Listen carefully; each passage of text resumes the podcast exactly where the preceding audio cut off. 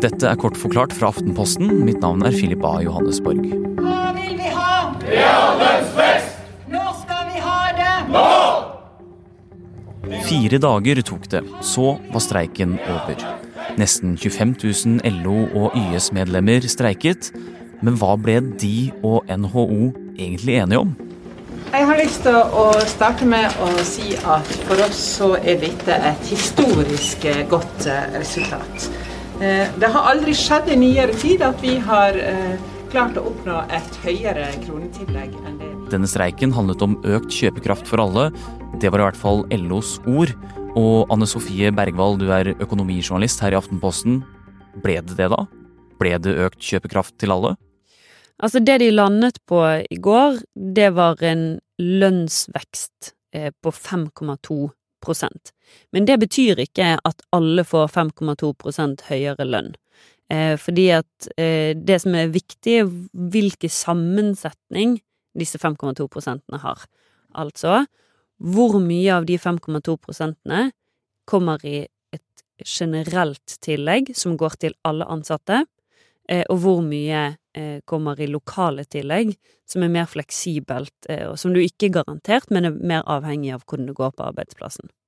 Eh, og det LO fikk til, var det at de fikk forhandlet opp de sentrale tilleggene og ned de lokale tilleggene.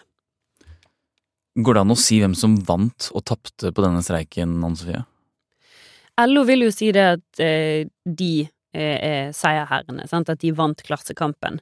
Eh, men for, for de aller fleste eh, LO-medlemmene som, eh, som på en måte gagner av denne streiken, eh, så har LO i løpet av fire dager med streik klart å kjempe fram 1000 kroner mer i året for de.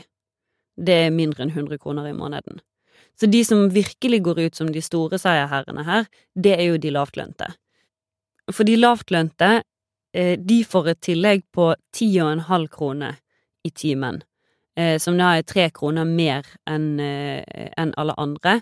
For de som tilhører lavtlønnsyrkene, så vil jo det utgjøre en mye større forskjell fordi at de prosentvis, altså tre kroner prosentvis for de, utgjør en mye større del av, av lønnen deres. Så når LO mener det at de har vunnet klassekampen, så er det jo ikke egentlig helt feil.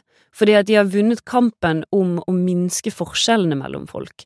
Fordi at et kronetillegg for de som er lavtlønte, betyr veldig mye mer enn for de som er eh, høytlønnete, og bidrar også da til å minske lønnsforskjellene i Norge.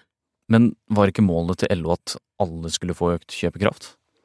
Det er det de sier, eh, og i flere både streikemarkeringer og appeller eh, har jo eh, LO sagt det at det er kravet. Og LO, nei, eh, Fellesforbundets leder Jørn Eggum sa jo også i går, etter at de var blitt enige, at nå har de sikret reallønnsvekst for alle, men det stemmer jo ikke.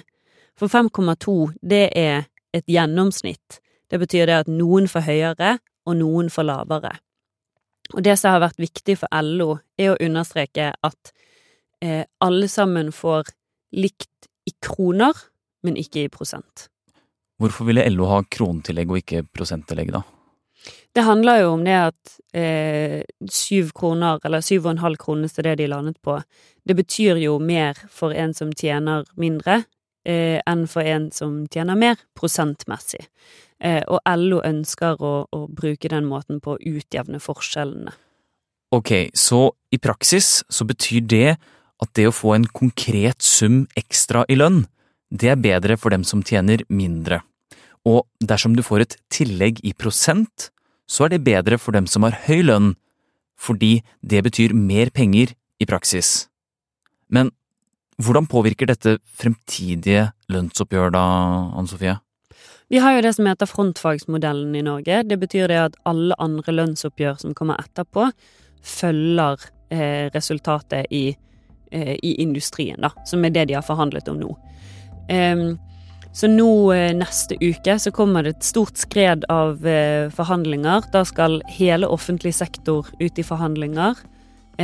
Og både Spekter-bedrifter og virkebedrifter skal også forhandle. Og da følger de denne rammen på 5,2, men de kan variere litt eh, sammensetningen, og noen kan gå over, og noen kan gå under denne prosenten her. Men det er på en måte en norm som de andre oppgjør, oppgjørene prøver å følge, da. Risikerer vi at det kan komme flere streiker fremover? Det er et veldig godt spørsmål. Eh, vi vet det at eh, fagforeningene i offentlig sektor eh, ønsker at eh, offentlig sektor, eller spesielt da kommunal sektor, skal komme bedre ut av det enn frontfaget. Eh, men om det blir en streik der, det er vanskelig å si.